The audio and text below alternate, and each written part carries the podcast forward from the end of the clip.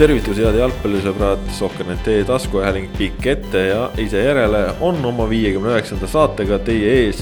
ja ikka selle jaoks, et rääkida jalgpallist ja kõikidest teemadest, mis on jalgpalliga seotud. minu nimi Kaspar Ellissaar, täna siin minuga Ott Järvela. tere! ja Kristjan Jaak Kangur. tervist!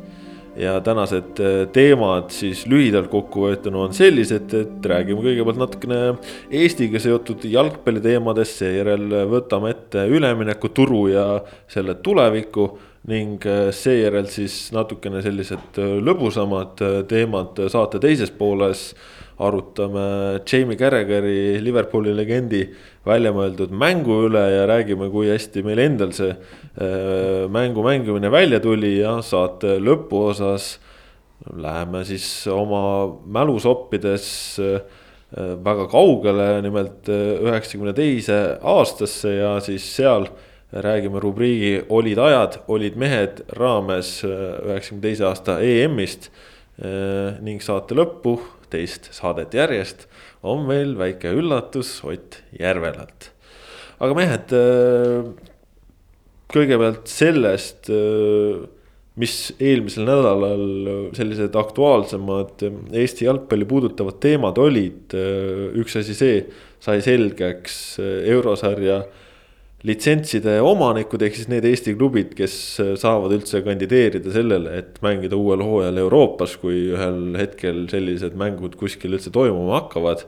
ja, ja seal tegelikult oli üks üllatus, ehk siis poolfinaali jõudnud ja oma klubi ajaloos siis esimest korda poolfinaali jõudnud Tallinna Kalev äh, litsenseerimisest äh, osa ei võtnud.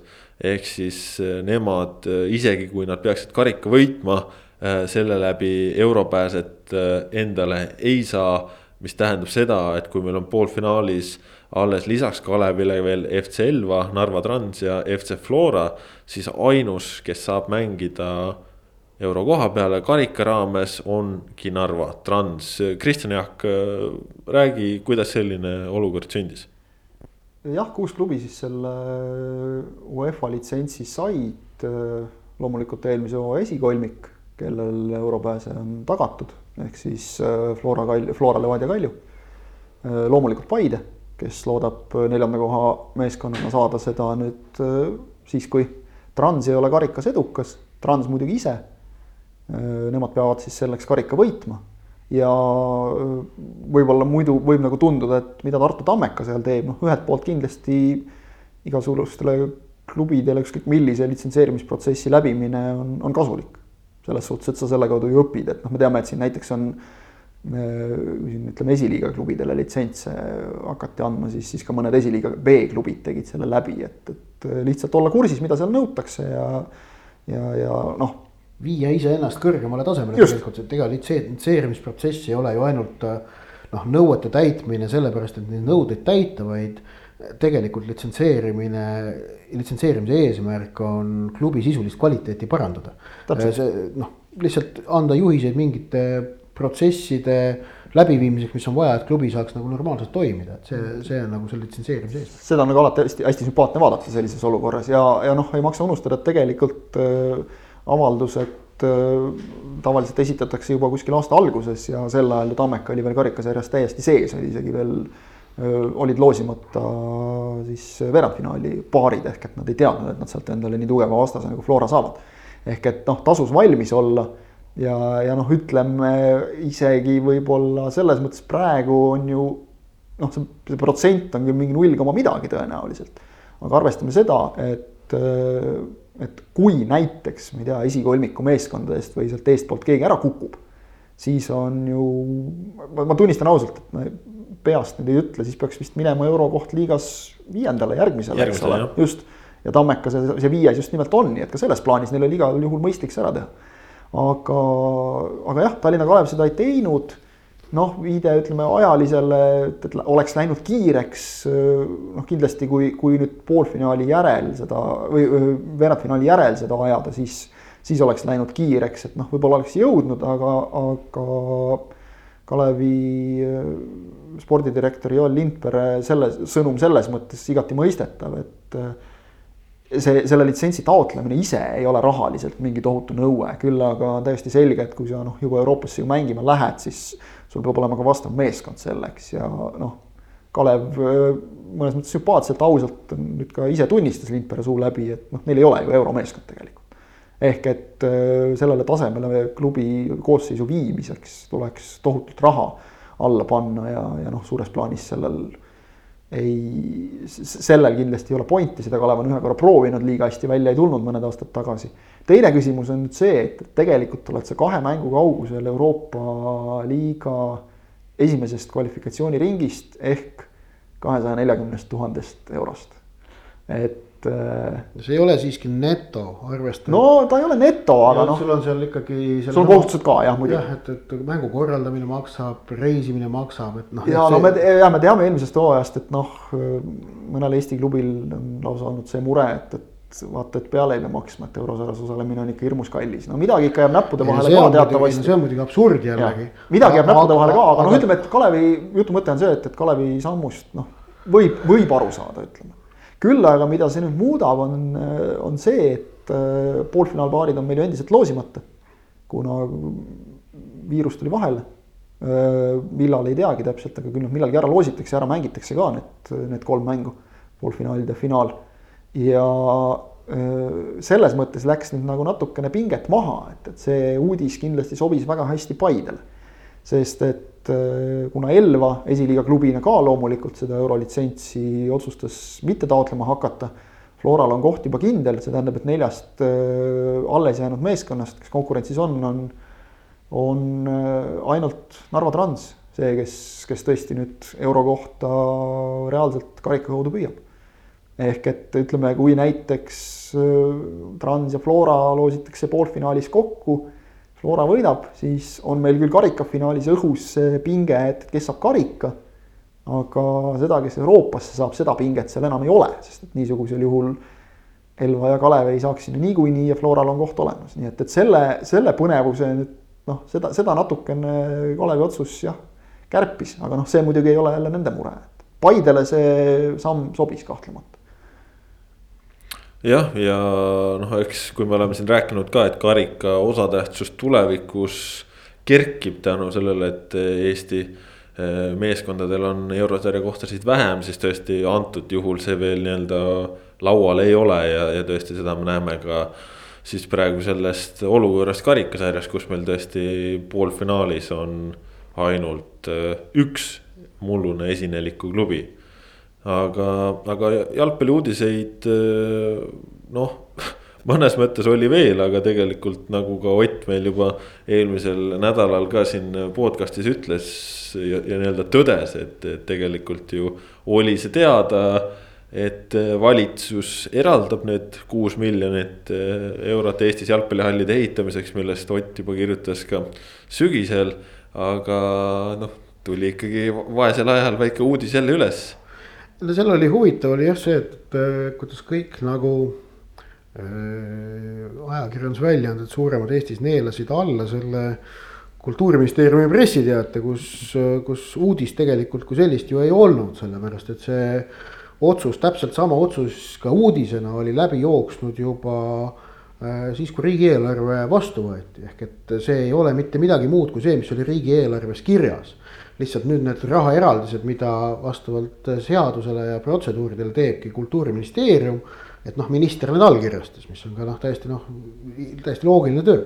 aga jah, et, et sellest nagu tekkis omaette teema, et, et ma ei tea, mingid sensorid vist ei olnud nagu või, või, või need äh, sensorid ei olnud jah, kõige, kõige teravamad nendel hetkedel, et ei hammustatud läbi, et see oli lihtsalt kultuuriministeeriumi selline PR-projekt, mis tõsi, tuleb tõdeda, neil õnnestus väga-väga edukalt, jah. noh, praegu Ott peab ikkagi silmas pidama ka, et väga uudisvaene aeg ja spordiajakirjandus võtab vastu kõik, mis pakutakse. ja mitte ainult spordiajakirjandus, vaid kui korraks nagu seda laiendada, siis tegelikult see võib olla üldse praeguse ajakirjanduse selline väike, no ma nimetaks seda isegi probleemiks, et äh, oskus eristada äh, pressiteateid ja muud sarnast äh, reaalselt uudisväärtuslikust asjast. Noh, PR-inimesed teevad oma tööd ja, ja peavadki seda tegema, eks nemad oskavad ka teinekord maskeerida sellise olematu uudise väga hästi uudiseks ja just eriti praegu, eks ole, kus nagu sa ütlesid, tuleb pildil püsida kogu aeg, aga aga jah, sisuliselt see oli noh, kinnitus, et ütleme noh, nii palju võib-olla oli antud olukorras, et, et ei, et see ei ole muutunud, keegi ei ole mingit punast joont peale tõmmanud. Noh, samas seda on ka väga raske tegelikult nagu seaduslikult teha, eks ole, ja noh, tegelikult see summa on ju niivõrd äh, köömes, et. mis veel muud puudutab, puudutab muidu nagu seda eriolukorda, siis äh, võib-olla siin võiks nagu tekkida korraks see mõte või mure, et noh. äkki nüüd omavalitsused kukuvad hirmsasti kärpima mingite omaosalustega, noh, nii palju kui siin ise olen, olen uurinud ja, ja natukene suhelnud nende selle kandi inimestega, kuhu, kuhu jalgpallihalli ehitatakse, siis äh, see omaosalus on seal niivõrd väike, et äh, kui riik tuleb sul noh, sisuliselt pakkumisega, et me anname sulle, ma ei tea, poolteist või kaks miljonit ja. ja pane ise, pane ise, poolteist on jah, see riigi osa antud juhul. et pane ise natuke juurde, pool juurde, ütleme pool, pool miljonit siis ehk veerand nagu juurde, siis äh, noh omavalitsus oleks puhta loll peast, kui ta jätaks selle kasutamata, sest omavahenditest on niikuinii väga raske seda teha, hea näide on tegelikult Rapla, kus hakati juba tegelikult, miks praegu Raplas tööd käivad ja mujal on veel. ma tean, et Viljandis ja Haapsalus on vist kindel plaan äh, hakata midagi tegema, ütleme kasvõi näiteks noh, vundament ära teha sügisel. et siis saaks juba, juba järgmisel aastal noh, korralikult ehitusega peale hakata või mingit äh, väljaku, väljaku põhja, aluspõhja tööd, sellised asjad ära teha juba sügisel et saaks sealt kohe kevadel kiirelt edasi minna ja, ja suveks väljaku püsti. Rapla seda saab, saab oma kunstmuru väljaku nüüd juunis-juulis eeldatavasti kätte. Aga seal oli näiteks esialgne plaan, kui vald hakkas oma jõududega seda tegema, et oleks tõesti saanud ainult väljaku ja ütleme noh, kasvõi seal ümbritsev taristu nagu parklad, haljastus, kõik see oleks jäänud millalgi mingisse hilisemasse teise faasi. selle kõik saab nüüd ära teha, lisaks veel boonuseks hall väljaku peale ehk omavalitsus saab sellise korraliku tervikliku väikese kompleksi kätte, nii et see on, see on see põhjus, miks noh, ilmselgelt keegi ei hakka seal enam nagu ära ütlema ja noh, seal on ka juba see, et need asjad on juba eelarvetesse sisse kirjutatud, et ärme unustame ka seda, vali, valimised ei ole kaugel enam. et jälle saad väikese linnukese kirja, see siin nüüd seekord mängib antud juhul jalgpalli kasuks. jah, noh, see sihukest valimisreklaamilaadseid tooteid me oleme juba ka ju sotsiaalmeedias liikmemas näinud, kus on igasuguseid asju ära tehtud, aga no mis meil. jah, hea on öelda, eks ole, et, et riigi raha küll, aga mina andsin kakskümmend viis miljonit. jah, no selle, selles valguses see kuus miljonit eh, jalgpallihallide jaoks äh, tore, et tuli ja, ja tore, et juba, juba ka tööd käivad. Äh, küll on üks konk selle asja juures nüüd see, et äh, need rahad on jah jagatud ja noh, sisuliselt vist võib natukene kujundlikult öelda juba arvele kantud ka õigetesse kohtadesse. aga küsimus on nüüd see, et tegelikult see projekt ju pidi jätkuma. ehk et äh, kas vist nelja aasta jooksul, kui õigesti mäletan, peaks igasse maakonda jõudma ka need hallid. et vaat seal võib nüüd küll tekkida mingeid väikeseid tõrkeid, loodame, et ei teki, sest nagu sa ütlesid, et need, need summad tegelikult on suures plaanis pisikesed. et noh, kui siin äh, suurvõistlusi meil tahetakse neid Eesti rallisid ja asju ka korraldada kuskil metsa vahel omaette poole miljoni eest, siis, siis noh, see jalgpallihall ikkagi, need lähevad ju ka kohtadesse, kus on karjuv vajadus nende järele et need ikkagi, nendele nüüd mingit kriipsu peale ei tõmba. jah, et siin on noh, kohta on mõnelgi pool retoorikat, et see on ikkagi tohutu vastutulek või kingitus jalgpallile ei ole, see on äh, võrdsete tingimuste loomine teiste spordialadega. Ehk et äh, jalgpalli harrastamiseks Eestis äh, taristulised tingimused on ikkagi praeguse seisuga kehvad. eelkõige, kui me räägime talvistest tingimustest ning, ning see ühtlasi ei tähenda ja see ei, see ei, see ei käi praegu ainult või see konkreetselt nende hallid ei ole sihitud ikkagi mitte ainult tippsportlastele. Need, kes mängivad premium-liigas või esiliigas või, või vaid, vaid see on väga suures osas ikkagi sihitud noorsportlastele. Ehk et laste treeningtingimused paranevad oluliselt, ehk et kui me eeldame, et siiamaani on enamasti jalkatrenne tunnitud tulnud talviti teha, kui tahta sisetingimustes teha, mitte õues kunstmurul, kuigi sel talvel sai ka tegelikult õues teha, on ju. Aga noh, et kui on lumi maas ja jää, siis on neid tehtud koolivõimletes. Äh, ja see, see, kusjuures seal on kaks nüanssi, et esiteks see, et, et äh, koolivõimletes noh, see sportlik areng paratamatult on kehvem, sellepärast et seal ruumi lihtsalt ei ole. tegemaks jalgpallilist äh, trenni, see on mingit asja saab, aga noh, kõike, mida vaja on, saab. ja teine asi on see, et koolivõimletes jalgpall võtab ära saaliaegu teistelt spordialadelt see on ka nagu väga nagu tähtis aspekt, mida, mida sageli pole nagu vaadatud. et, et ähm.... ma, ma lisaks võib-olla, et, et tegelikult ju ka koolivõimlad on äh, riigi rahade eest loodud äh, teiste pallimängualade tegemiseks no koolivõimlad, spordisaalid, mis iganes, noh, spordihooned no,. kõik, igas maakonnas, igas maakonnas saad ju nii suvel kui talvel korvpalli mängida, jalgpalli igal aastal ei saa. jah, just, just. ja, ja noh, ütleme näiteks palju meil Viljandis on elanikke, seitseteist tuhat vist umbes või midagi sellist. pakuks kuusteist, aga võib-olla seitseteist no,, noh, sinna kanti jah üle viieteist tuhande jääme selle juurde. viisteist isegi on sihuke, siis me ei eksi, äkki on neliteist. kindel hinnang, et äh, minu meelest neil on seal vist kas umbes kaks saali praegu, kus saab nagu üldse sisetingimustes korralikult, korralikult harjutada ja, ja, ja neist üks ongi koolivõimla sisuliselt, et noh, see siin, siin ei saa nagu rääkida sellest, et nüüd Vatkus saavad endale mingi luksuse või midagi sellist ja need ajad on noh servast servani täis, et võib-olla Tallinnas, isegi Tallinnas ei leia ju tegelikult Viimseni välja on kõik koolivõimlad, asjad broneeritud. Tallinnas või noh, spordisaali nagu, spordisaali sa ei leia nagu ammugi, eks ole, aega võib-olla äärmisel juhul kuskile kell üheksa hommikul. no ja tegelikult on ju sisehallidega see, et ega seal ju ei saa ainult jalgpalli teha, et Muidu. seal saab ju kõiki muid asju siin Lillekülas ju ka loobitakse discgolfi kettaid ja igasuguseid muid asju, et. ja ärme unustame, et, et nüüd konkreetselt Raplasse ei, ei tule seda jooksurada, aga, aga mõnigi, mõnigi hall, ma tean, neist on planeeritud ka veel, veel jooksurajaga, vaatasin, et. noh, saad talvel ka sadat meetrit panna, noh, super ju.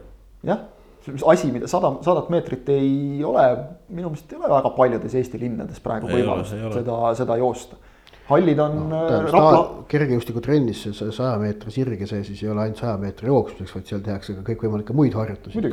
et noh, seal noh, kergejõustikutreening koosneb näiteks ju erinevatest. hüpetest noh, hüpetest jah, ütleme noh, mingite lõikude mingil erineval viisil läbimisest noh Neid kõik, selle kõige jaoks on vaja sul lihtsalt kvaliteetset kergejõustikurada, et on ta saja meetri rada, on ta kaugushüppesektor, seal olulist vahet ei ole. peab olema kvaliteetne rada. vaatasin huvi pärast ise ka nüüd, kuna just sellest äh, Rapla hallist äh, portaali ühe looga tegin, siis uurisin natukene, et, et mida needsamad tootjad on teinud teistes, äh, teistes riikides ja jäi silma näiteks üks, üks selline hall, kus oli, kas ta oli vist ütleme nelja-viie reaga tribüün ehk siis noh, kes mäletavad siin vanal Sportland Arenal seda tribüüni, mis tegelikult äh, aasta algul mahutas küll, eks ole. ja kui sa veel nüüd katuse pea kohale mõtled, siis läheb päris mõnusaks juba. et äh, mahtus sinna ära see, mahtus selle, et ära kolm äh, jooksurada ja siis jalgpalliväljak. trenni ajal tõmmatakse sinna võrk vahele nii et jalgpallurid ei sega kergejõustiklasi või, või keda iganes, kes seal spordivad, eks ole, teiste alade tegijatel on ju ka vaja seal aeg-ajalt jooksutrenni ja muud sellist teha, eks ole, ühed ei sega teisi, kõike saab teha, et, et noh, sellised kuppelhallid, äh, siin muidugi nüüd see konks on sees, et, äh, et pigem neid halle maha võtma ei hakata äh, suvisel ajal, aga noh, arvestades muidugi Eesti kliimat, siis see on. hea uudis. pigem hea uudis, eks ole. et, et jah, nad on kuppelhallid, aga noh, ütleme näiteks noh, mul endal kodule kõige lähem on, on Männiku kuppel mis on nüüd eh, nii, kui trennid keelati, siis kohe lasti ka õhust tühjaks, lasti maha. et, et noh, nad, nad on natuke keerukama, natuke keerukama ehitusega. et, eh, et, et. tugevamad neid, ka ilmselt. tugevamad ka ja noh, ütleme, neil on nagu vähe tugevamad lüüsid ja, ja seal on, eh, seal on väga palju erinevaid võimalusi kombineerida, näiteks ka üks külg, ütleme konteinermoodulitest, nii et sa lähed siis sealt otse nagu riietusruumidesse ja, ja seal on ka võimalus noh, kombineerida kuidagi neid tribüüne ja asju, et, et äh, et no iseenesest võib-olla see kuppelhall nagu noh, mõjub kuidagi nii, et nüüd tehti mingi poolkõva asi, aga, aga need on, need on väga noh, asjalikud asjad ja ütleme, seal nagu see hinna-kvaliteedi tasakaal on, on vägagi paigas ja, ja, ja kui paljud võib-olla kardavad, et noh, et kuppelhall, et see on midagi hirmus nagu koledat või, või ebaesteetilist, et siis vaatasin neid pilte ja, ja kui neid välispindu natuke disainida, siis tegelikult võib ta isegi väga stiilne ja, ja, ja, ja ilus olla, et, et ei, ei ole nagu noh, ütleme, see on nagu Eesti oludes igati mõistlikud projektid on need, et ma tõesti nagu väga loodaks, et see asi nüüd kuskile nende nelja halli valmimise järel toppama ei jää. no loodame, et ei jää, aga loodame, et ei jää ka muud asjad jalgpallis toppama. möödunud nädalal jalgpalliagent Harri Ojamaa andis Sokkernetile ka intervjuu, kus ta rääkis oma nägemusest ja sellistest sisetundest, mis võib saada lähiajal jalgpalli üleminekuturgudest, noh muuhulgas ütles ta ju välja, et tema näeb, et väga tõenäoline on see, et koosseisud jäävad õhemaks, ehk siis hakatakse palkama natukene vähem mängijaid väljast, rohkem panustatakse oma noortele usub ta ka seda, et, et väga tõenäoline on, et mängijad pöörduvad omale tuttavamasse keskkonda, et äh, nii-öelda olmelised küsimused võiksid olla lihtsamad ja samas ka ütleme nii, et ka mängijate palkamine võib osutuda selliseks, et hakatakse eelistama tuttavamaid mängijaid, ehk siis kui mitte just kohalikke, siis neid, kes on varem seal liigas mänginud ja nii edasi. Ja ütleme, neid nüansse on seal veel, Ott. kuidas sulle tundub äh, tänases seisus, et äh, mis sellest suvisest üleminekuaknast üldse saab äh, ja, ja mis muutub jalgpalliturul kogu selle praeguse olukorra valguses, et see, mis suvisest üleminekuaknast saab, on selles mõttes keeruline öelda, et me ei tea, millal ta algab ja millal ta tuleb. tähendab algusaega ilmselt see ei muuda, aga võimalik, et noh, ta ilmselt tuleb seda pikendada ja ja, ja noh, ühesõnaga kuniks ei ole suuremat selgust sellel, millal mängud jätkuvad, kuidas jätkuvad, kuidas võistlused jätkuvad, on ebaselge ka üleminekuakna täpne formaat. aga eh, no ma kirjutasin ka eelmine nädal ühe, ühe loo ja ma kirjutasin selle siis on ju noh, Ragnar Klavani ja Kaljari vaatevinklist lähtuvalt, sest teatavasti Klaavan Kaljarisse minnes tegi selle klubiga kaks pluss üks lepingu ehk et nüüd sel suvel on see optsiooni äh, vahepaus, kus siis optsioon on nagu jalgpallis alati mõlemapoolne. Äh, ehk et noh, mõlemad osapooled peaksid olema nõus ja noh, Klaavan ise on ju tegelikult korduvalt andnud, väljendanud ja öelnud, et tema tahab seal Kaljaris jätkata, et talle seal sobib ja meeldib. ehk et noh, pigem on see pall nüüd siis on ju klubi väravas. Äh, noh, ei ole ilmselt ülearu suur saladus või, või see, et, et Klaavan on Kaljari jaoks pigem nagu kallis mängija, ehk et ta on klubi äh, üks paremaid äh, palgateenijaid äh, või noh, kõrgemapalgalisi mängijaid. Äh, noh, mis on ka arusaadav kõiki tema kogemusi ja, ja tausta arvestades. Ähm, ehk et noh, ja, ja samamoodi on teada see, et ta saab sügisel kolmekümne viie aastaseks, ehk et selge on see, et selle pluss ühe, see pluss üks optsioon, see ei ole selline noh, teeme ära, lähme nagu edasi, et see on kindlasti koht, kus nagu klubi mängijaga, kes saab kolmekümne viie aastaseks, seda optsiooni alati kaalutakse ja põhjalikult kaalutakse ja nüüd, äh, aga nüüd tõesti, et, et äh, luges või noh, üks artikkel, mil, mis, mis kirjutati The Athletic'is ja kus siis äh, jalgpalliagendid rääkisid, tõsi küll anonüümselt, sellepärast noh, nad ei saanud selle oma nimega välja tulla sellest, et mida nad eeldavad, mis nüüd juhtuma hakkab. siis, siis eeldatakse seda üpris laialdaselt, et ühesõnaga raha eest üleminekut sel suvel või selles järgmises üleminekuaknas või üldse lähiaegadel. Nende osakaal väheneb Äh, üleminekusummad vähenevad väga olulisel määral ja Bosmanid ehk et sellised vabad üleminekud, tasuta üleminekud on, on siis nõnda öelda uued äh, kuumad asjad jalgpalliturul. sellepärast, et äh, isegi kui need teletulud suudetakse päästa suurel määral, siis kitsas käes on kõikidel klubidel ikkagi. ja tasuta üleminek on, on klubi jaoks säärane noh, kuidas öelda, ahvatlev, ahvatlev asi Äh, noh, Klaavani puhul on veel seal see, et ta mitte see ei, mitte klubi ei pea maksma üleminekusummat, vaid, vaid ta veel lisaks sellele, et ta tunneb ka mängijat väga hästi, mis on samuti nagu noh, tähtis, mida ka Harju Ojamaa seal on ju enda loos märkis. ehk et äh, noh, ütleme nii, et need asjad viitavad, et nagu seis sellele, et, et Kaljari võiks Klaavaniga lepingut tahta pikendada, on, on nagu pigem hea, aga samas muidugi seal taustal võivad olla veel sada muud asjaolu, et noh, kui Valter Zenga leiab, et noh, tal lihtsalt ei olegi sellist vasakpoolelist keskkaitset vaja, siis noh, siis seda ei pikendata. Ja siin äh, tegelikult nende tasuta üleminekute äh, juures on, on võib-olla see nüanss, et. Äh, et need tõenäoliselt muutuvad eelkõige populaarsemaks just tipptasemel, aga ütleme, et madalamal tasemel, kus on neid mängijaid rohkem, seal võib sellest isegi nagu probleem tekkida. et ütleme, et Eesti mängijal näiteks kes praegu ei ole välismaal, on isegi raskem välja saada, sest, sest neid tasuta mänge on nii palju, aga just tipptasemel võib näha jah, üha rohkem selliseid tasuta liikumisi. see on ka ilmselt tõsi, et Eesti mängijatel välismaale saamine muutub keerulisemaks.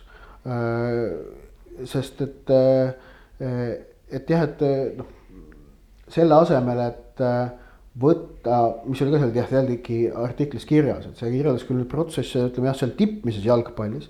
aga ma ei usu, et see protsess, mida ma nüüd räägin, on, on allpool veidikene erinev. et kas nüüd tuua raha eest välismaalt äh,, keegi välismaalt äh, või äh, proovida või jätkata selle ära proovitud variandiga, siis seda riski, et äh, äh transferiga proovida või, või, või välismaalase värbamisega proovida seda taset tõsta Ehm, seda ma arvan, seda riski tahetakse võtta üha vähem. sellepärast, et noh, teatavasti iga uue mängija võistkonda toomine on ikkagi risk, et kas ta klapib, mis on tema täpne tervislik seisund, on ju, või kõik muud asjad, mida see endas kätkeb. Ehk et ma, ma kahtlustan küll, et jalgpallis hakatakse võtma vähem riske, mis tähendab jah, paiksemaid mängijaid ja, ja vähem üleminekuid ja noh, suuremat rõhku en-, ise mängijate kasvatamisele, et see Just. muutub eriti väärtuslikuks nüüd. et, et kui sul ikkagi, kui suudad ise mängijaid kasvatada, no mõtle noh, näiteks noh, ma toon selle Londoni Chelsea näite, et noh. sul on Mason Mount, sul on Sammy Abraham, sul on, sul on seal veel paar venda kes, kelle sa oled tegelikult ise üles kasvatanud, okei okay,, laenusüsteemide, mis iganes kaudu. aga sa ei pea trans-, kui transferi turul peaksid minema praegu Mason Mounti ostma, sa peaksid viiskümmend milli maksma selle eest.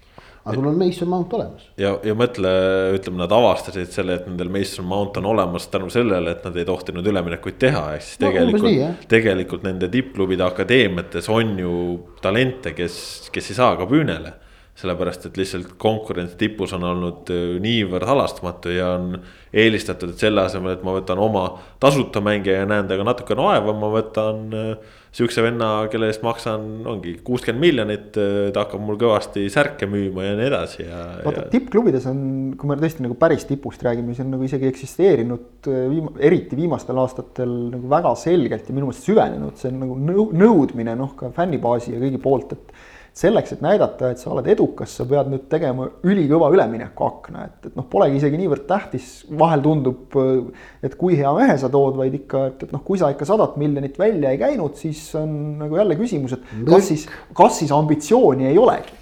ehk et noh, tegelikult selle debiilse olukorra see, see, see praegune seis likvideerib, sest praegu pigem ma arvan, vaadataks nagu noh, aknas sada miljonit välja käiva klubi peale nii, et, et mida te laristate, ehk et need vaatepunktid on, on natukene muutunud ja ütleme just selle Väärtus, koha pealt. väärtushinnangud tõotavad muuta. kindlasti, kindlasti ja noh, ütleme nii, et seda on ju väga paljud juba öelnud, et, et nagu see, see, et jalgpalli väärtushinnangud äh, tippjalgpallis eriti muutuvad. noh, see, see on tegelikult ainult hea, kahju, et praegu sellisel viisil, eks ole, aga ma arvan, et hakkab just see joon jooksma kuskilt täpselt sealt ka selle koha pealt, et äh, et noh, ütleme noh, algkoosseisu jagu pluss siis veel mõned noh, ütleme a la stiilis hästi puusalt pannes viisteist kõva venda, noh, need üritatakse ikka kuskilt kokku saada. aga vot just sealt edasi, et sul oleks see, see puhver seljatagune.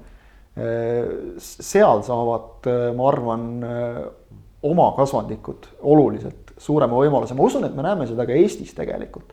sest meil ju praegu, kui me räägime konkreetselt premium-liigast, siis on ju noh ikkagi enamikul klubidel on, on nagu väga korralik noortetöö ja süsteem ikkagi olemas. et noh, suvaline näide on kas või seesama siin enne räägitud Tallinna Kalev juba, kust, eks ole, sa saad nagu ikkagi sealt selliseid mehi just, kes sul oleksid niimoodi noh, need need viieteist, kahekümne minuti tegijad. no võib-olla. Neid ütleb... seal ikkagi on võtta, no tegelikult on ikkagi võtta, ütleme kogu aeg, ma tean, ma tean, ma olen ka kuulnud palju seda retoorikat, et ei ole ja ei noh, ei anna klassi välja, aga no, nad ei hakkagi mitte kunagi andma, kui neile võimalust. no ma ütleksin võib-olla niimoodi, et see siis võib-olla ärgitab äh, äkki klubisid lihtsalt oma noortega natuke rohkem no, tööd tegema. just, just, osadel on see olemas, noh, osadel jätab soovida, aga, aga täpselt, et võib-olla me tänu sellele saame selle, mida siin on noh, ka üritatud mingite meetmetega. koroona teeb seda, mida KTM ei suutnud. põhimõtteliselt jah, kui otse sõnastada, palun, saime kohe nii-öelda saatele mõttelise pealkirja ka. aga, aga, aga tegelikult see nii on selles mm. suhtes, et noh, elu suunab. et, et, et need, seda, see on palju kriitikat saanud, eks ole, et me nagu vägisi üritame kuidagi seda, et noh, kui, kui nagu nüüd ka klubid sellest aru ei saa, siis, siis ma kardan, et võib-olla mõnel klubil nagu pikka pidu ei ole, et kui sa siin üritad.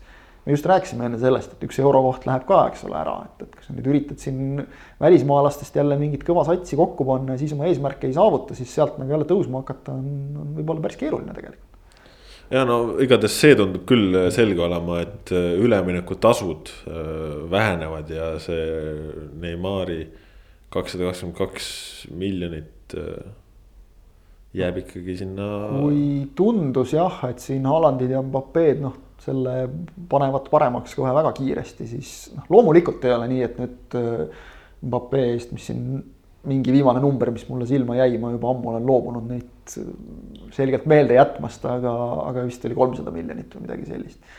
noh, loomulikult see ei kuku nüüd kolmekümne peale.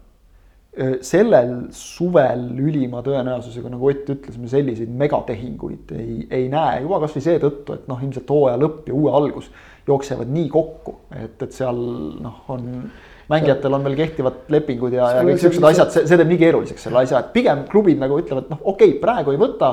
võib-olla tehakse ka mingeid, me teame ju küllalt mingeid eellepinguid, eks ole, et aasta pärast tuled. aga kindlasti selliseid noh, ütleme, et äh, suhe jääb ilmselt samaks.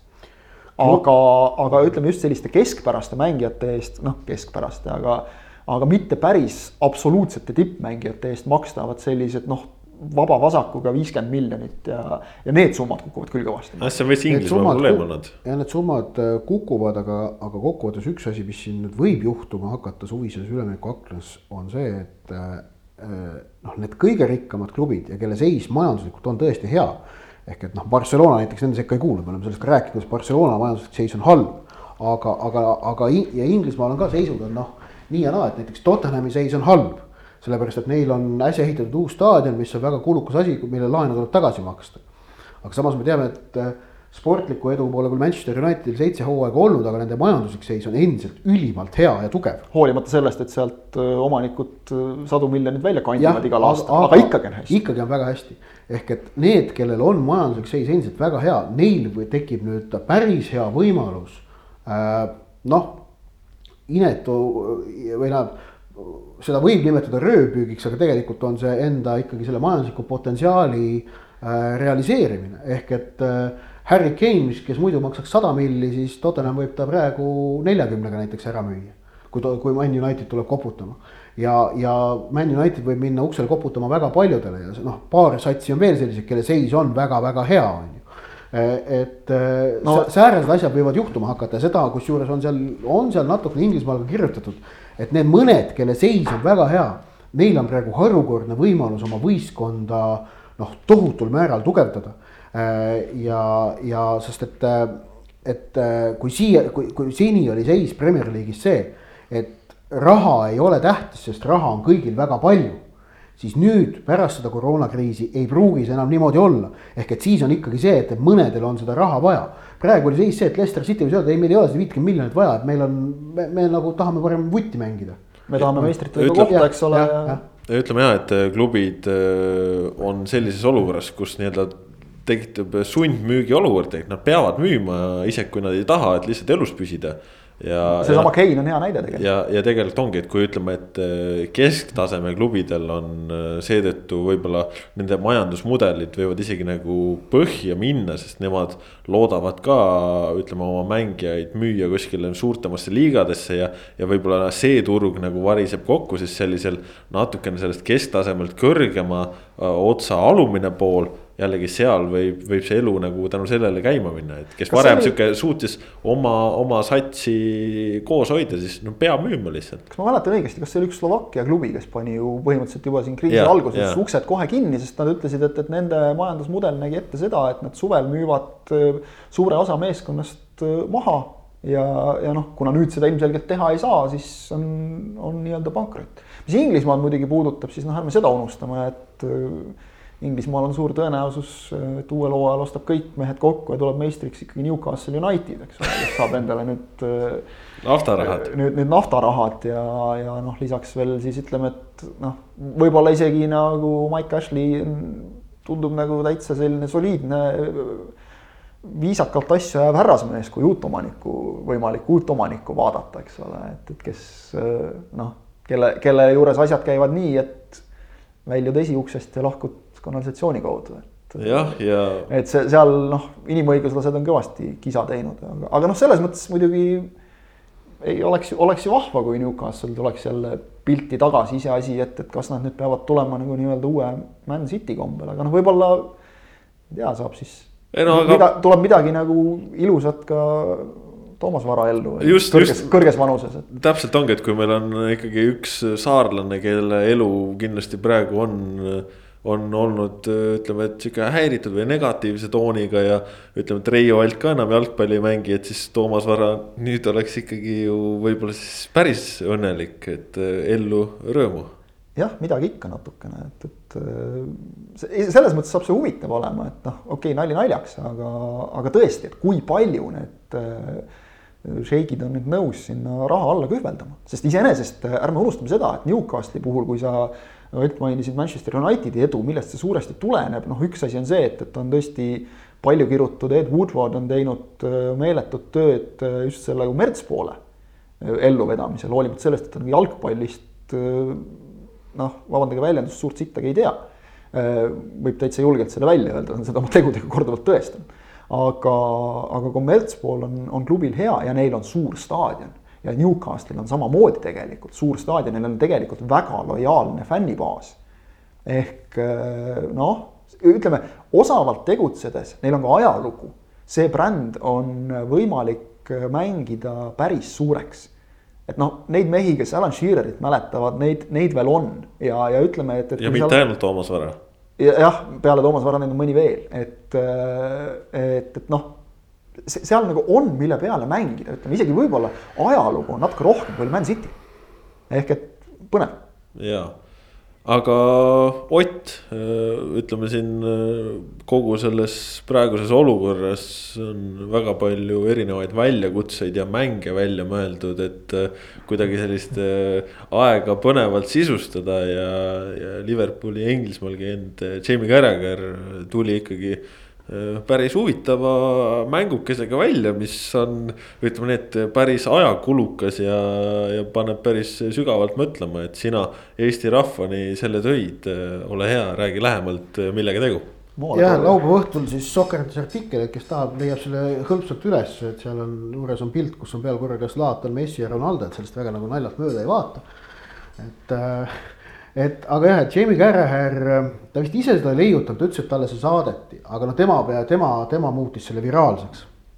ehk et äh, selle väljakutse või ülesande sisu on lihtne äh, näiliselt. tuleb koostada võimalikult hea jalgpallimeeskond, aga silmas pidada järgmiseid nüansse, esiteks äh, kõik mängijad, keda sa seal kasutad, peavad olema mänginud sinu eluajal, no ilmselt ausam on öelda seda, et, et sa oled ise neid mängimas näinud et noh, see, et, et äh, olid kahe, kaheaastane, kui mingi keegi tegelane siblis, et see nagu ei lähe arvesse. aga noh, näiteks pele välistatud on ju ja, ja niimoodi, kui me siin teeme. teine reegel äh,, ühest riigist tohib olla maksimaalselt üks jalgpallur. ja siis kolmas reegel, see on see, mis nagu on noh, selle totaalse tuntsu keeram on see et mitte ükski selle võistkonna liige ei tohi, ei tohi olla mänginud mõnes klubis, kus on mänginud mõni teine selle võistkonna liige ehk et näiteks on see, et kui sa, kui võtta satsi Cristiano Ronaldo, siis ei tohi võtta satsi mitte ühtegi jalgpallurit, kes on karjääri jooksul mänginud kas Lissaboni Sportingus, Manchester Unitedis, Madridi Realis või Torino Juventuses. sest Ronaldo paneb kõik need neli klubi lukku ja lihtsalt paneb ta lukku Portugali. ja siis hakka seda satsi kokku panema ja see ei ole üldse lihtne asi. me, me siin, me siin tegime seda äh, noh, tähendab, mina tegin ka, mina postisin enda oma jalgpallipunkrisse ka, kes tahab, võib sealt, võib sealt vaadata ähm, ja, ja aga siin noh, meil toimetuses teised mehed hakkasid ka seda asja tegema ja noh, ei tulnud see üldse lihtsalt välja. noh, mina näiteks enda satsi tehes siis vaatasin niimoodi, et äh, ma tegin niimoodi, et ma panin ausalt öelda ennem paika nagu sellise selgroo, väravvaht, keskkaitsjad, keskpoolikud, ründajad. ma läksin mängima, otsustasin, ma panen neli, neli, kaks asetuse, et see tundus nagu mõistlik ja neli, neli, kaks asetuse niimoodi, et äh, ilma selle noh, nõnda traditsioonilise number kümneta vaid niimoodi, et noh, rünnak käib rohkem nagu äärte kaudu ja keskel on playmaker. seetõttu siis olingi, keskel on Iniesta on playmaker ja, ja siis äh, teine poolkaitsja, noh, et kaitsvat poolikut on vaja, seal valisin brasiillase Tunga. noh, keskkaitsjateks võtsin Maldini ja Cherry ning, äh, ning väravahiks võtsin Manuel Neueri, et ma seal seal oli nagu mõtteid küll mujale minna, päris ahvatlevaid mõtteid, noh, Jose Luis Chilaver näiteks oli üks, kes nagu ikkagi noh, mu vaieldamatu lemmik on. aga see Neueri noh, revolutsioonilisus, mida ta ikkagi väravamängu tõi, sundis tema juurde jääma. siis ründepaar, noh, Bergkamp oli üks Hollandist ja siis teine mees on Roger Milla, kes on Cameroni koondise endine ründestaar, lõi neljakümne kahe aastasena üheksakümne neljanda aasta MM-il värava, peaks olema siiamaani MM-i kõige aegade vanim väravalööja. ja kuni, kas oli kaks tuhat neliteist või kaks tuhat kaheksateist, kus see Farid Mondragon mängis Kolumbia eest, vist oli neliteist. jaa, vist oli, vist oli neljateistkümnendat, tuli vahetus sisse see Kolumbia varuvärav. siis Mondragon võttis talt see vanuserekordi ära, Mondragon mängis neljakümne kolme aastasena seal vist jah, ja, ja no ütleme see, nagu seitse keskel oli paigas, siis oli vaja hakata ääri võtma ja siis näiteks juhtus selline asi, et prantslased jäid välja mul, mul ei ole ühtegi prantslast koondises ja mul ei ole argentiinlast koondises. sellepärast, et need, keda ma nagu vaatasin, kes nagu tasemelt sinna sobiksid, eh, kas siis äärepoolikuks või äärekaitsjaks. Need olid kõik klubidega juba niimoodi seotud, noh, et vaatasin ka, et kas tõstaks kedagi täitsa ümber, viskaks välja, no ei olnud mingit head varianti ja siis oligi, et noh, et Andy Robertson jäi mul vasakkaitseks, millega ma olen kõige rohkem pettunud, sest mulle Šotimaa ei meeldi ja paremkaitsjaks sain Maxi Pereira Uruguay'st, see oli mul muidugi kindel tahtmine ka, uruguaylane peab sees olema, et muidu mul mingi õige sats, kahekordsed maailmameistrid. Ronaldo võtsin üheks ääreründajaks ja teiseks eh, viimasena sain puslesse paika Tim Cahill'i. ehk et leidsin, et temal oli selline hea klubide palett, et ta ikkagi kuskil tipus ei mänginud, tal Inglismaal oli Everton, mujal oli New York Red Bulls ja mis ta mängis. ja Austraalia ka veel, et noh, et see oli nagu selles mõttes hea variant sinna ja no mina hakkasin eile siis äh, ka proovima, et, et kuidas see asi käib ja mõtlesin, et noh, teen kähku ära, vaatan, mis ta siis ei ole. aga siis selgus selline tõsiasi, et, et kui sa hakkad mõtlema selliste jalgpallurite peale, keda sa tahaksid oma nii-öelda unistuste koosseisu siis nad on ikkagi peamiselt seotud äh, mingite teatud sümpaatsete klubidega, äh, teatud sümpaatsete riikide koondistega. ja niimoodi see ring muutus ikkagi väga kiiresti väga kitsaks ja ütleme, oligi, et kui justkui tundus, et mingid mehed said paika, siis järsku oli kuskil mujal äh, häda olemas, aga mina panin esimesena, panin paika sinna Dinsidani, sest ilma temata ei ole võimalik teha mitte ühtegi sümboolset koosseisu, mis oleks tõsiseltvõetav. ja see siis tähendas, et mul olid kohe paugust olemas prantslane, Real Madrid, Torino, Juventus ja nii edasi, on ju. ja noh, sealt läkski siis päris keeruliseks, vist teisena sain paika parem kaitsja Philipp Laami. sellepärast, et äh, sakslane, kes on noh, valdavalt mänginud ühes klubis äh, see tuli, tuli sinna taha nagu lihtsalt ja tegelikult, äh, kui ma siis hakkasin sealt nagu edasi minema, siis, siis mille ma nagu aluseks võtsin, ma hakkasingi mõtlema, et riikide kaupa. riikide kaupa, mis jalgpallurit nendest võiks tahta ja siis hakkad omakorda siis vaatama, et klubid kuidagi nagu paika läheksid, väravahtideks seal ma tegin ka sellise riskantse valiku, ehk siis võtsin mehe, kes on mänginud väga mitmes erinevas äh, Inglismaa klubis, seejuures näiteks Arsenalis. Äh, ja selleks meheks on Mart Poom ehk siis äh, ikkagi Eesti oma mees ka ikkagi Premier League'i tippväravahtide hulka kuulunud teatud perioodil ja sellega ma ühe probleemi lahendasin ära teisena või sealt edasi, siis ma arvan, ma sain omale paika selle, et Francesco Totti on kindlasti minu koosseisus. üks klubi, üks riik, väga hea lihtne, ehk siis sellised ühe klubi mehed väga kõrges hinnas automaatselt. Francesco Totti alguses panin ta omal selliseks ründavaks poolkaitsjaks, hiljem tõstsin vasakuks ääreründajaks. seejärel tuli Ronaldinho, sellepärast et brasiillane peab ka ikkagi koosseisus olema ja. aga miks sa nii halva brasiillase võtsid? ei no ma ei hakka ju võtma, keda ma oleks pidanud sinna võtma, mul oli vaja ju Barcelonast ka mingi mänge võtta, aga ma Barcelonast ei saa väga ühtegi teist mängijat. ei, ei, ei, Ronaldinho on ikkagi, ta on, mulle meeldivad sellised mehed, kes. ta on vangis natuke..., sa ei saa võtta teda enam ei ole, nüüd ta elab hotellis. mulle meeldivad sellised mehed, kes ikkagi väljakul värvi pakuvad ja sellist. Äh, no siin, siin lööb välja ikkagi see, et, et tegemist on sellise noore ja rohelise spordiajakirjanikuga, et, et kes oleks ikkagi Bebetot nagu mängimas näinud. Ei saa öelda, et see mees ei toonud värvi väljakule, ta tegi seda teistmoodi kui Ronaldinho, aga hea küll. me selle rubriigini me veel jõuame, kus me siin saame no, te, Otiga natukene jälle, jälle õpetada, kuidas need. vanamehe jutud on alles tulemas. mitte vanamehe jutud, vaid vanameistrite jutud, ma kogu aeg ei väsi kordamast. aga tegelikult siis ma sain kaitseliini, sain väga kiirelt täiesti geniaalse lahenduse, Virgil van Dijk praegu absoluutne tippjalgpallur, äh, ei ole väga paljudes tippklubides mänginud, äh, Liverpool, Southampton nende hulka ei kuulu. noh, varasemast ütleme, et Groningen, noh, kes seda üldse sealt Hollandist teab, on ju. väga lihtsalt hollandlane ka olemas, sest ega Hollandist sul väga palju kedagi võtta ei ole ette ma ülipikalt tahtsin rünnakul panna hispaanlast Aritsa Tuurist, Baskimaa legendi. Aga täitsa viimasel hetkel asendasin ta ära sellise mehega nagu Didier Drogba ehk siis Drogba ka selline. ebatraditsioonilise karjääriga Aafrikast pärit elevandiluurannik ja, ja pole väga mänginud klubides, kus äh, väga paljud head jalgpallurid oleksid mänginud Äh, Sergio Aguero, sellepärast et argentiinlast oli vaja. ja kui ma alguses opereerisin niimoodi, et mul oli seal Aduris selline suur, pikk, tugev ründaja. Keda siis ka Drogba asendab, siis sinna oli vaja kõrvale sellist väikest, lühikest kiiret. ja pean tunnistama, et kõige raskem oli ikkagi kaitsega sellepärast, et kui mul need ülemised kohad said paika, siis ma, mul oli vaja nagu kaitses mitu tühja kohta täita. ja ma hakkasin mõtlema, et mis, millised jalgpalliriigid mul nagu veel kasutamata no võtan Portugal. Aga Portugal, seal ei ole ju kaitset, seal nagu, mul ei ole võtta sealt Ricardo Carvalho, Pepe, kõik sellised mehed. mis Pepe on väga hea kaitsja. jaa, aga ta on Real Madridis mänginud. no jah.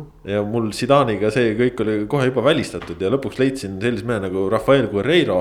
praegune Dortmundi Borussia vasakkaitsja ja, ja siis ma olin juba panemas rünnakule, kuna Belgiast ka ei olnud kedagi, Belgia ka ikkagi uuema ja selline tõusev riik.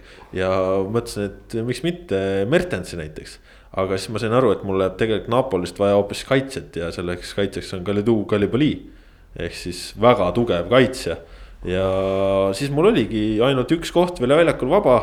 Aritsa Tuuris viskasin välja, mul oli vaja kaitsvat keskpoolkaitset ja Marcos Senna Brasiilias küll sündinud, aga, aga Hispaaniat ta esindas ja Villarealis ennast kuulsaks mängis, nii et minu koosseis siis lõpuks sai selline, et väravas.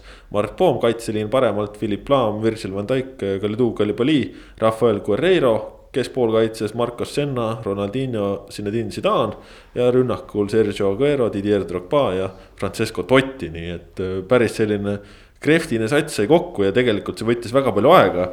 ja muuhulgas ma olen ülimalt pettunud et äh, Rootsi äh, kaitselegendid äh, Olav Melberg ja Andres Krankvist on olnud nii fantastilise klubikarjääriga, et neid kuidagi ei õnnestunud valikusse mahutada.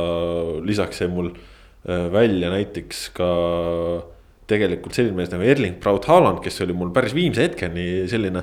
on Norrast sihuke hea vend, vähe, vähe, vähestes tippklubides mänginud, tundus nagu hea valik, aga. aga lõpuks Guerreiro tõesti selle Dortmundi koha ära võttis ja, ja selline siis äh, minu sats sai.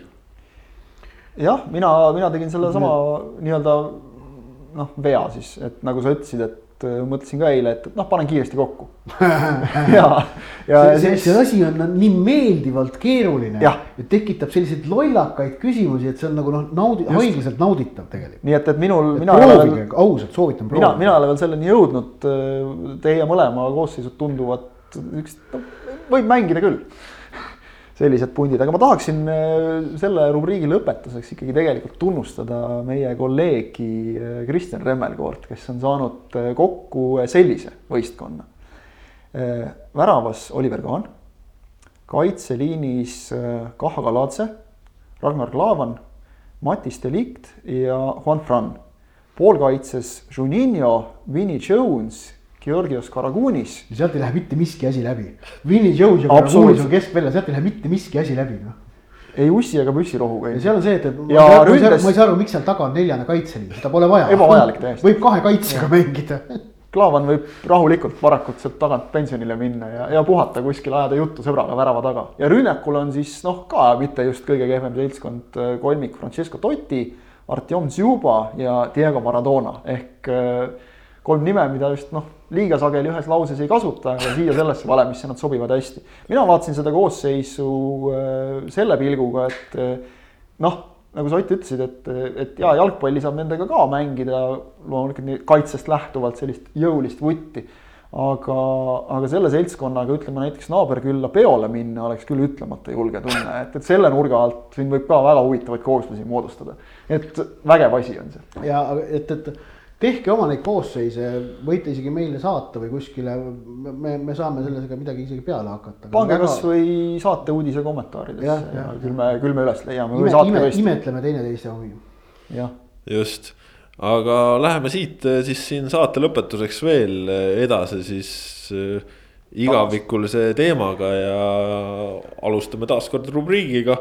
olid ajad, olid mehed aasta oli meil tuhat üheksasada üheksakümmend kaks, mängiti meil Euroopa meistrivõistlusi ja mina nüüd keeran omal mikrofoni maha.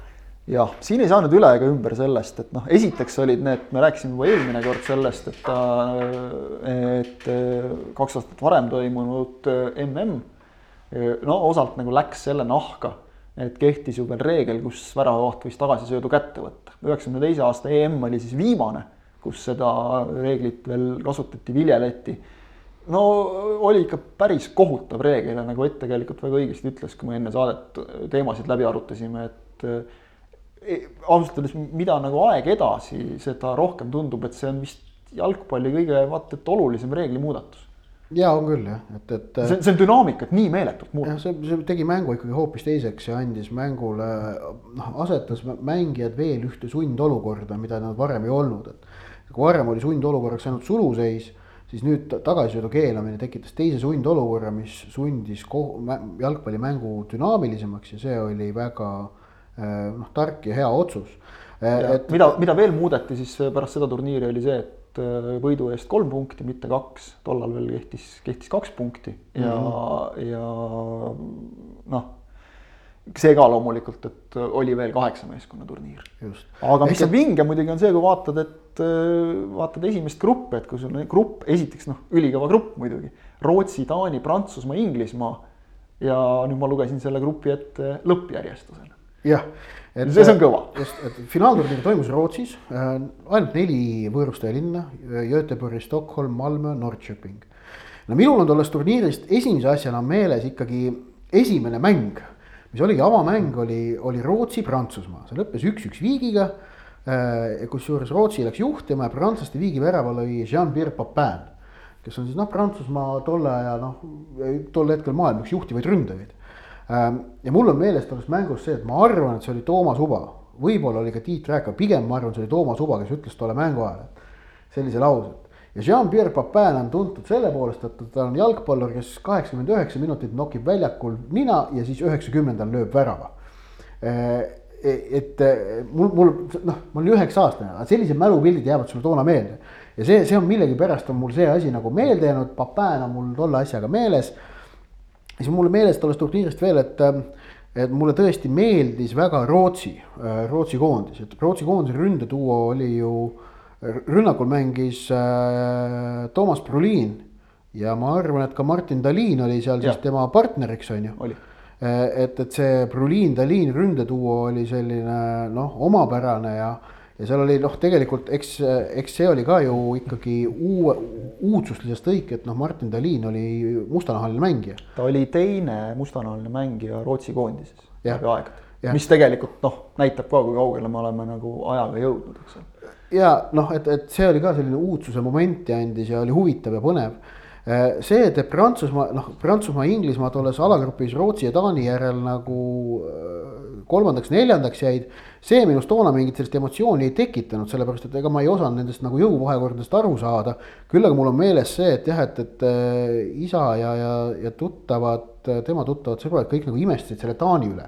et Taani pani alagrupi viimases mängus prantslastele kaks-üks ära ja sellega nad äh, siis ka alagrupis teise koha said ja, no,. meenutame, meenutame oma noorematele kuulajatele, et Taani sai ju sinna tagaukse kaudu. pärast seda, kui et, Jugoslaavia maha võeti sõja tõttu. et see, et see, kuidas Taani sinna EM-ile sai, see on nagu omaette lugu ja selle kohta, kas, kas on vist see, et Netflixis on mingi film nüüd tehtud selle kohta, kus Taani seda jah, peaks olema küll. Netflixis peaks olema mingi film, et Taani EM-il üheksakümne teisel aastal. minu meelest seal oli ikka reaalselt reaalselt oli nii, et mehed olid juba palmi all puhkamas ja olidki ja et noh, Jugoslaavia võeti Jugoslaavia sõja tõttu võeti EM-ilt maha.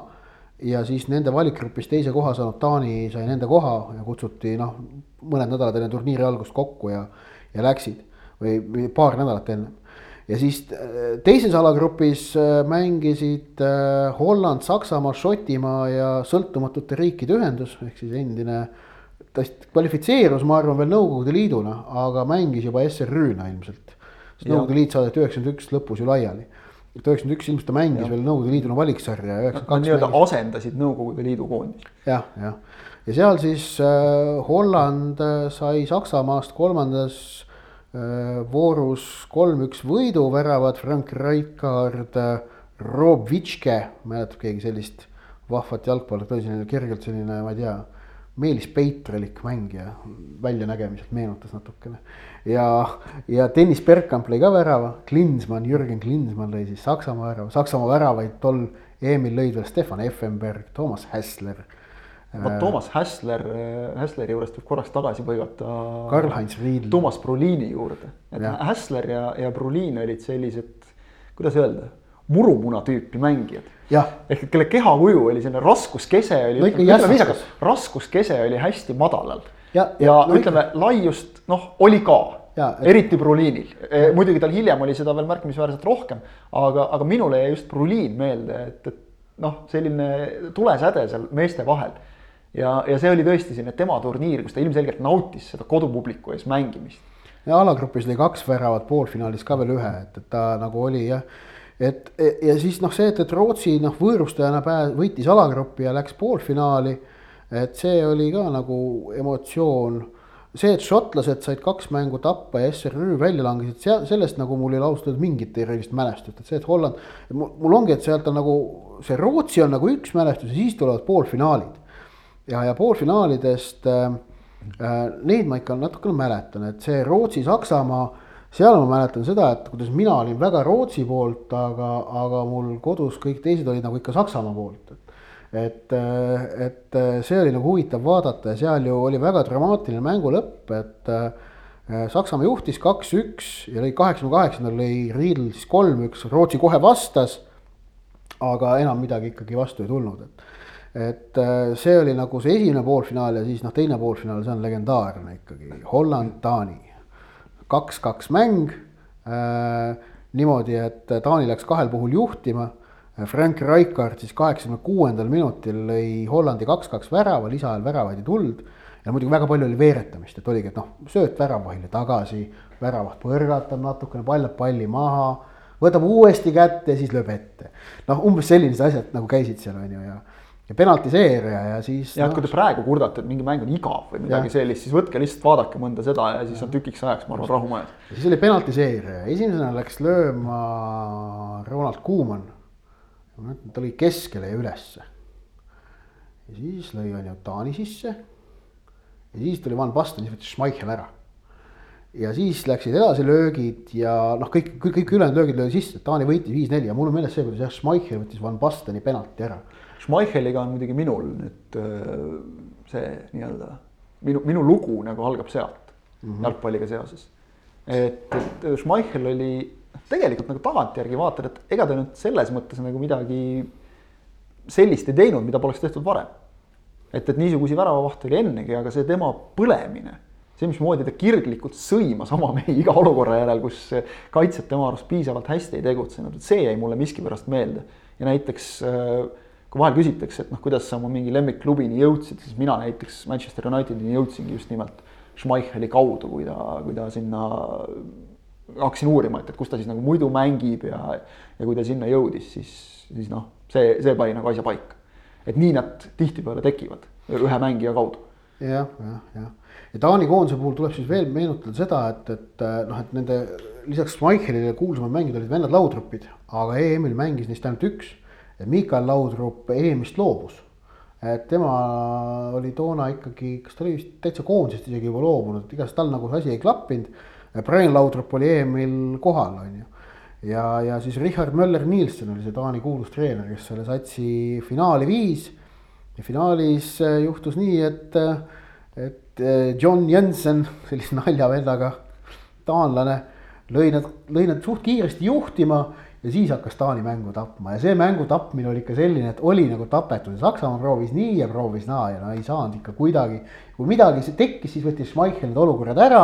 Schmeichel tassis kõvasti finaali. jah, ja Schmeichel ikka tassis kõvasti, aga, aga siis nad viivitasid nagu rämedalt aega, see oli nagu noh, tegelikult kui seda tagantjärele seda finaali vaadata, ma olen mingeid episoode vaadanud ka, mõtlen, kuulge sõbrad, et noh, et noh mis asi see on, noh, et no mängite ka või no niisama ja siis lõpuks seal tekkis mingi võimalus ja siis see Kim Wilford oli teine vend, kes lõi siis taanlaste teise värava ja võitsid kaks-null, olid Euroopa meistrid ja. noh, lühikene ja turniir, et selles mõttes vaata, me rääkisime ka praegu suht lühikeselt ikkagi ainult ju viisteist mängu ja, ja kaheksa satsi, et noh, EM, MM-il oli no,. varem oli kakskümmend, kakskümmend neli äh, satsi ikkagi, et see oli nagu suurem, suurem äh, pidu, aga. aga, aga jah, et, et see noh, Taani see võit ja, ja tegelikult see Taani võit on on, on tagantjärele ka, ta on ikkagi, on legendaarne võit, aga nüüd seda ajaloolisse perspektiivi pannes, siis sinna on tegelikult tulnud siis omamoodi kaheteistaastaste pauside järel otsa on tulnud Kreeka ja Portugal. ehk et kaksteist aastat pärast Taanit oli Kreeka ja kaksteist aastat pärast Kreekat oli Portugal. nii et eh, kaks tuhat kakskümmend kaheksa EM-finaalturniir, noh. ootame põnevusega. ei, ma, ma mõtlen, kes, et äh, see peaks olema keegi, kellel ei ole, eks ju. keegi, kellel ei ole, ei noh, kindlasti ja. no ma ei tea, üks pakkumine oleks Bulgaaria. Te olete unustanud ära, Eesti on see riik. ei, ei ole, no, no ei ole, noh, no räägime reaalselt on ju, et noh, Bulgaaria või siis, või siis äkki mingisugune selline äh, keegi Geldi riikidest äh,. Wales, Põhja-Iiri või Iiri midagi sellist no,, noh Šotimaa kindlasti mitte. Bale on pensionil vist selleks Bale on pensionil, Walesil, aga. Walesil on vaja samasugust põlvkonda jälle peale, nagu neil oli nüüd, eks ole, siin EM-il. aga Norra, Norra on praegu väga sihuke noori talente täis. see on kaheksa aasta pärast alles. no kaheksa aasta pärast ongi Ödegard, Haaland ja, ja seal need muud mehed no,, Sander Berged alles sihuke kakskümmend kaheksa ja.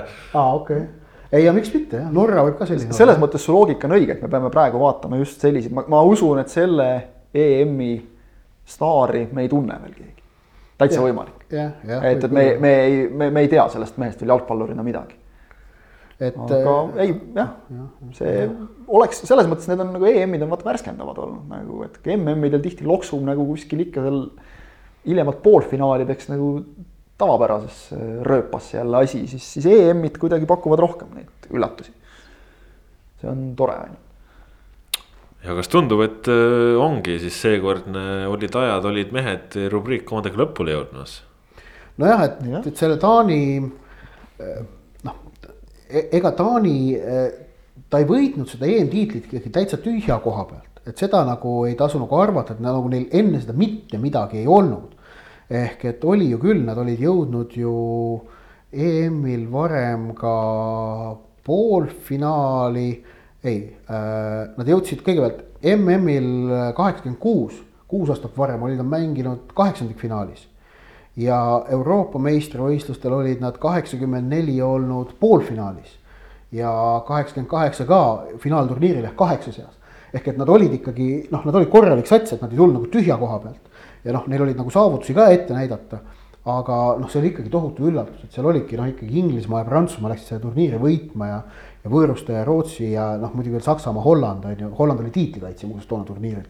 kes, kes ei mäleta. et noh, ärme unustame ka seda, ma vaatasin praegu huvi pärast koosseise, et eh, noh, Schmeichel Manchester Unitedis, eh, kapten Lars Ulsen Trabzonsporis ikkagi noh, Türgi, ärme unustame, et tol ajal nagu väljas mängimine oli natukene teise tähendusega ja Saksamaal väga paljud Köln, Dortmund, Brian Laudrup Bayernis, Schalke ehk et noh, seal, seal nagu mehi oli tegelikult, materjali oli, kui sa siin ise ka mainisid neid mõningaid, mõningaid tegijaid ja, ja päris paljud taanlased läksid sealt veel edasi omakorda ülejäänud Euroopa klubidesse, nii et kehv meeskond see ei olnud ja noh, ütleme mõnevõrra isegi ehk väiksem üllatus kui näiteks see, mis, mida Kreeka tegi.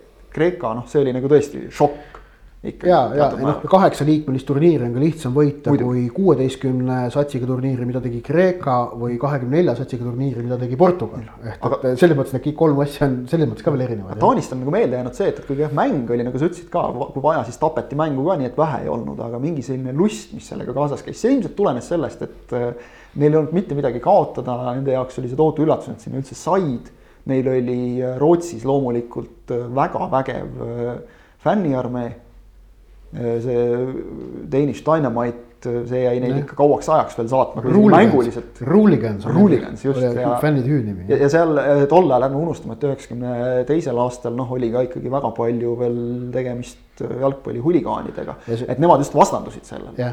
just sealt tuligi see Ruuligans, et, et, et nemad, nad, nad ei tahtnud mingit jama, neil oli lihtsalt pidu ja rõõm kogu aeg, see oli väga äge. ma hüppan Kaspar selle sinu selle mõttekäigu juurde, et Eesti kaks tuhat kakskümmend kaheksa Euroopa meister, et no, no selle jaoks ei ole nagu mitte mingisugust nagu loogilist rida olemas, et et äh, äkkisuguse, mingisuguse loogika võib veel üles ehitada selle, et Eesti võiks tol ajal nagu EM-finaalturniiril jõuda kahekümne nelja parema hulka, aga aga jah, et kus sul see Euroopa meistri mõte tekkis, mind ikka huvitab, et noh, et. no te tahtsite tulevikust lihtsalt äh, mingisugust äh, meeskonda, kes ei ole võitnud ja. ei, ma tahtsin ikkagi selle, kel, kes ei ole võitnud, aga kelle võit oleks reaalne. no ei, ma olen lihtsalt väga optimistlik inimene. seda muidugi ei saa laita, aga noh, jah, las ta jääb, vaatame, aeg näitab. just selline oli siis see teema nimetusega olid ajad, olid mehed, järgmisel nädalal hüppame jälle kahe aasta võrra edasi ja siis on juba uued jutud. aga jätkame siis siin saate lõpuosas veel ka meelelahutusrubriigiga. teist nädalat järjest võtame šnitti siis Inglismaalt, kus on mõnusad asjad välja mõeldud ja, ja meil ka eelmisel nädalal hea alguse Ott Järvele tegi siis oma üllatusrubriigis, kus ta äh, siis viisi vabalt äh, loeb ette mõne tuntud muusikavala sõnad, laulutekstid ja täna siis Ott Järvele esituses Taago muusik. jah, et tuleb öelda, et siis see tellimus tuli meil Foorumist, et, et kellel on soove, pange need siis teele, pange need siis teele, aga. tere süütu sugu ühe, ühest kaugest ajast Terje, Malle, Maire, sa vist ei öelnudki nime. Maa, seesama Toomas, kes su juurde roomas, naine koomas, kaine, noh, pole oluline. enne restorani lavalt silmis läige kaval, A-moll, F-tuur, jutt loll, tervitus nimeline. see, kes laulab söögiks, hiljem ühiskoogis, sulle ainult hullem romansi imemine. õues kohisevad puud sulle tere hommikut sa ei suudelnudki kuud hoopis mingit muusikut. värvikoor vannitoas, paari pukist lilla kints, august alla kraanijoas voolas lootus leida prints suurepärane esitus, äh, lihtsalt remargi korras ka, et äh, pidin siin vahepeal äh, kolleegi Kristjan Jaak Kanguri mikrofoni maha keerama, sellepärast et ta lihtsalt andis märku, et tal saab olema lõbus. aga selles mõttes suurepärane lauluvalik, eelkõige suurepärane bändivalik, teatavasti Taago tähendab siis päevasaart ja. Ja, ja enne Muistsalaal tähendas see Hiiumaad, nii et suurepärased tervitused ka siit vee taha Hiiumaale, mis on praegu suletud ja kus ka minu perekond äh, siis isolatsioonis viibib.